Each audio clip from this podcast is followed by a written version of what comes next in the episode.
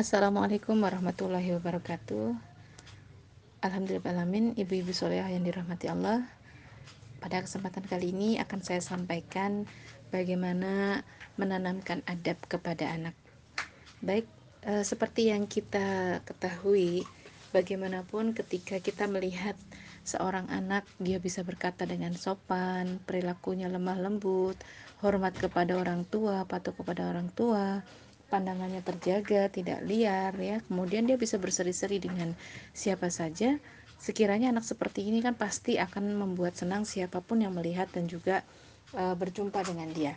Sehingga kalau kita perhatikan, maka e, di sinilah peran orang tua sebenarnya memahami bahwa menanamkan karakter atau menanamkan adab kepada anak ini menjadi perkara yang cukup penting untuk bisa dipersiapkan Bagaimanapun anak adalah anugerah Allah Subhanahu wa taala, tempat kita meneruskan cita-cita dan juga garis keturunan kita. Sehingga kita juga berharap eh, anak-anak uh, ini nantinya bisa menjadi pengemban amanah yang besar dan berharga bagi orang tuanya.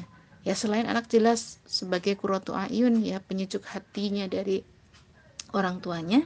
Sehingga dalam pola pendidikan anak di sini maka kita harus berikan perhatian yang ekstra besar ya perhatikan yang ekstra besar terhadap uh, generasi bagaimana supaya mereka memiliki kepribadian Islam yang tangguh serta memiliki adab yang memang sesuai dengan adab Islam. Baik untuk uh, penanaman adab ini sebenarnya Rasulullah Alaihi Wasallam pernah menyebutkan dalam hadis yang diriwayatkan oleh Anas radhiyallahu an bahwa muliakanlah anak-anakmu dan perbaikilah adab mereka. Hadis riwayat Ibnu Majah. Dan di sini kemudian seorang ulama ya, ada ulama yang menyebutkan bahwa adab itu sendiri di dalam kitab Adab Al-Alim wal Muta'alim bahwa hak seorang anak atas orang tuanya adalah mendapatkan nama yang baik dan pengasuhan yang baik serta adab yang baik. Jadi memberikan nama, mengasuh dan memberikan menanamkan adab yang baik itu adalah haknya anak Jangan dikira kalau kita bicara atau ngomongin hak anak itu hanya sekedar bicara dikasih makanan enak, ya, dikasih pakaian yang bagus, itu adab apa haknya sudah dipenuhi, bukan. Tapi diberikan nama yang baik, nama itu adalah doa untuk anak-anak kita. Kemudian diberikan pengasuhan yang baik ya. Jangan salah, orang tua supaya anak diam dipenuhi itu keinginan semuanya. Itu bukan pengasuhan yang baik. Kita tidak memberikan hak mereka sebenarnya. Termasuk adab di sini. Adab juga merupakan bagian dari hak anak yang harus mereka dapatkan dari orang tuanya. Sehingga harus dipahami bahwa penanaman adab karena tadi digambarkan di dalam hadis merupakan satu hal yang menjadi haknya anak sehingga penanaman adab di sini memang harus diyakini dipahami tidak hanya sekedar jadi baik selesai enggak. Tapi juga harus dipahami bahwa adab ditanamkan itu merupakan bagian dari hukum syariat Islam. Adab sopan santun adalah bagian dari akhlak Islam sehingga akhlak yang Islam seperti ini akhlak mulia ya merupakan perkara yang diperintahkan oleh Allah yang seharusnya menghiasi diri seorang muslim dan anak-anak kita terkategori ke depan ya mereka akan menjadi generasi terbaik harapan kita ketika mereka dari dini sejak dini kita tanamkan dengan akhlak dan juga adab-adab yang baik tadi. Sehingga nanti ketika mereka memiliki pemahaman berkaitan dengan adab merupakan hukum syariat, mereka bisa menghiasi diri mereka dengan akhlak mulia, baik itu dalam masalah ibadahnya, dia bermalas, sampai kemudian dia berperilaku dengan siapa pun ya dia akan memiliki adab yang baik. Diceritakan oleh Abdullah bin Umar radhiyallahu an bahwa Rasulullah pernah bersabda, sesungguhnya orang yang terbaik di antara kalian ialah orang yang paling baik ahlaknya. Nah, jadi kan kalau digambarkan bahwa orang yang baik di sini nggak sekedar bertutur kata lembut sekedar baik saja enggak tapi memang sampai digambarkan memiliki akhlak yang mulia artinya ada hubungannya dengan akidah di sini ada keimanan yang mendasari seseorang ketika dia melakukan uh, atau menerapkan akhlak yang baik dalam kehidupan dia. Maka di sini tugasnya kita ya menjalankan seperti halnya orang tua di sini diperintahkan oleh Rasulullah untuk mengajarkan sopan santun kepada anak-anak itu sejak sini. Ya sebagaimana dulu sabda Rasulullah, jika anak kalian telah mencapai enam tahun, hendaklah ia diajari adab dan sopan santun. Enam tahun anak itu sudah diajari sopan santun, adab, bagaimana cara mereka memuliakan orang lain, bagaimana dia menanamkan dalam diri dia wajah berseri-seri ketika berhadapan orang lain dan sebagainya. Banyak adab-adab Islam yang harus senantiasa orang tua juga pahami dan sopan santun. Jadi kalau mau sopan santun orang tuanya juga harus tahu apa aja itu adab dan akhlak yang Islam ini tadi. Nah, cara untuk menanamkan adab jelas ya kalau kita di sini perhatikan memang e, perlu ada perhatian besar oleh orang tua terutama ibu dari sejak anak-anak itu dini ya sehingga ketika memang hal ini dimunculkan kepada anak jadi anak yang soleh jadi nggak cuma sekedar anak soleh itu nongolnya ketika anak baru lahir aja sekedar doa ucapan doa ya doa itu baik tapi kan hal itu juga terimplementasi dari sisi bagaimana pola sikapnya orang tua ketika dia mendidik anaknya yang doain banyak supaya jadi anak soleh kelak tapi faktanya orang tua kalau ternyata gagal menanamkan kesolehan kepada anak-anaknya ya doa hanya sekedar doa. Ya kan?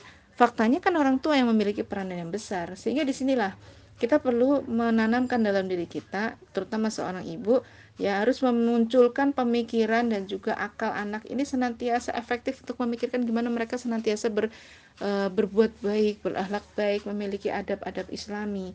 Dan di sinilah sehingga kita buat akal pikiran anak-anak kita itu selalu lurus ya. Gimana supaya mereka bisa menghasilkan amal soli, amal kebaikan mereka dapat orientasinya pahala dalam setiap amal-amal kebaikannya sehingga mereka tahu konsekuensi mereka hidup itu diridhoi enggak oleh Allah.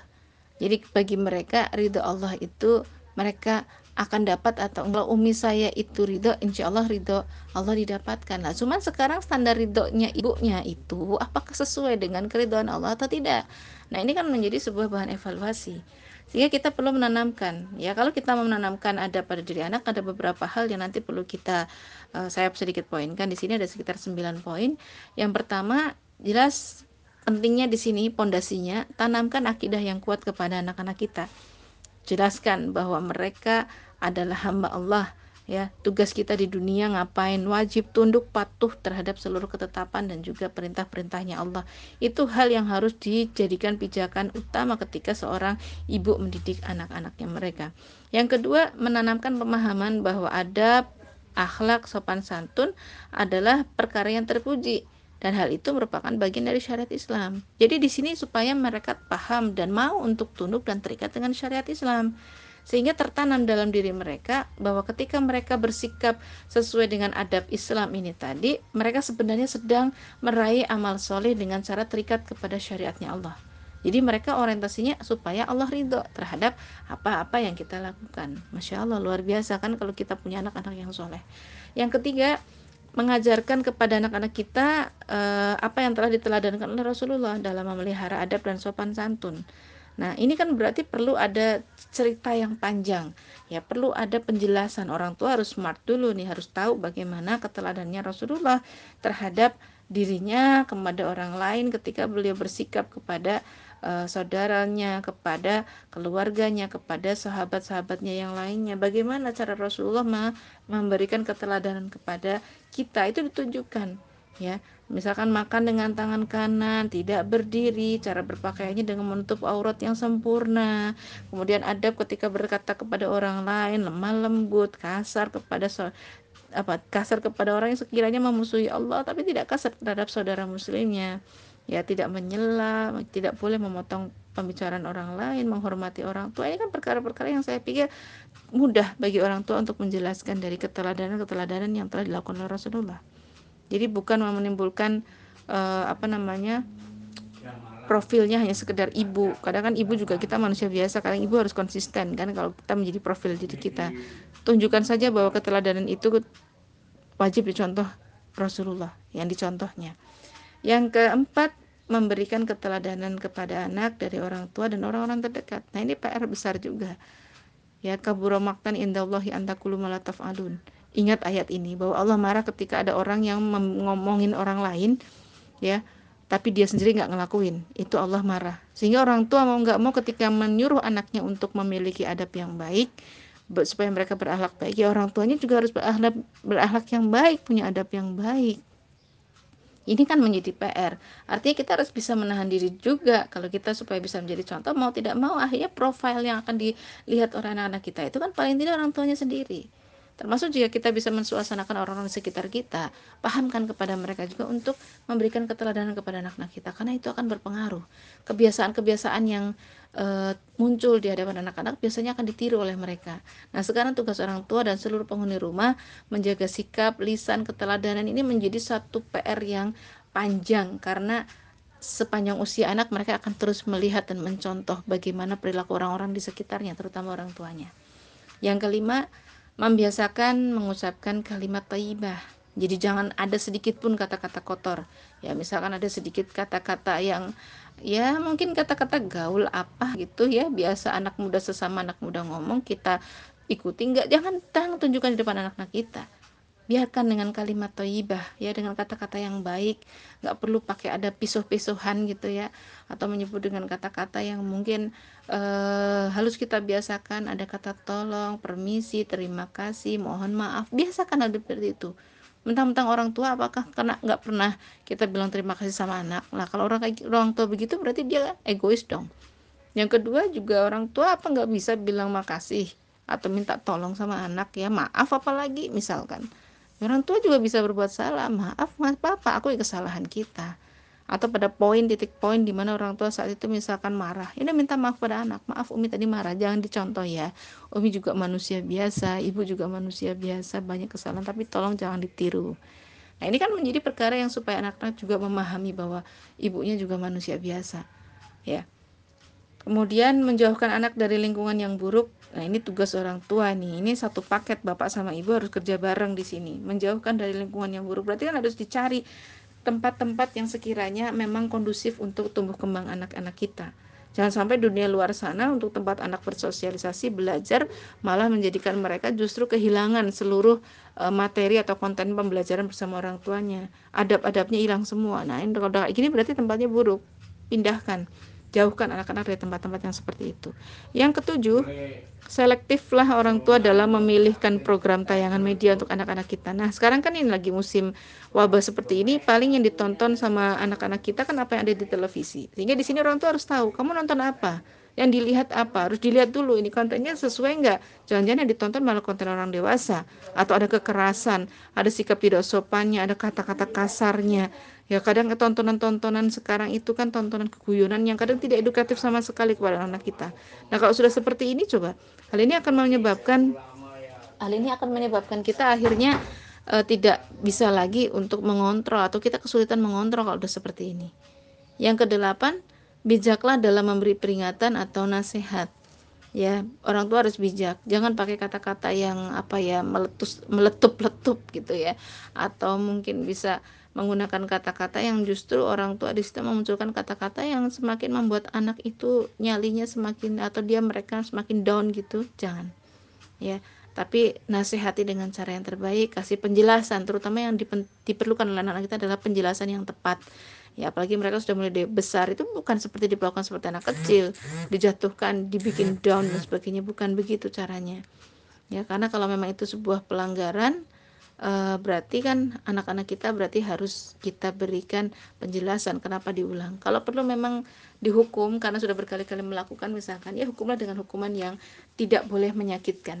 Hukuman yang sifatnya takdib takdib itu mendidik kepada anak-anak kita Kemudian yang terakhir, ciptakan lingkungan sekitar rumah yang menjaga sikap dan perilakunya. Ya, jadi kan tidak kita biarkan anak tetangga yang punya kebiasaan buruk untuk akhirnya mereka memberikan pengaruh kepada anak kita. Biasakan anak-anak kita untuk melakukan amar ma'ruf nahi mungkar kepada tetangga, kepada teman-teman kita. Anggap itu sebagai sebuah kewajiban. Ya, usia berapa anak-anak kita berarti sudah mulai latihan untuk menyampaikan dakwah kepada saudara kepada teman-teman atau saudara-saudaranya. Ya sedini mungkin itu lebih baik Ya, ketika mereka sudah mulai bisa berinteraksi dengan orang lain, 6-7 tahun sudah bisa mereka sudah dilatih untuk dakwah, untuk menyampaikan kebaikan-kebaikan kepada teman-temannya. Masya Allah. Indah sekali ketika kita memiliki anak-anak yang memiliki adab dan akhlak-akhlak yang terpuji sehingga akhirnya menjadi tabungan pemberat amal kebaikan orang tuanya kelak di yaumil hisab. Insya Allah. Fastabiqul khairat. Assalamualaikum warahmatullahi wabarakatuh.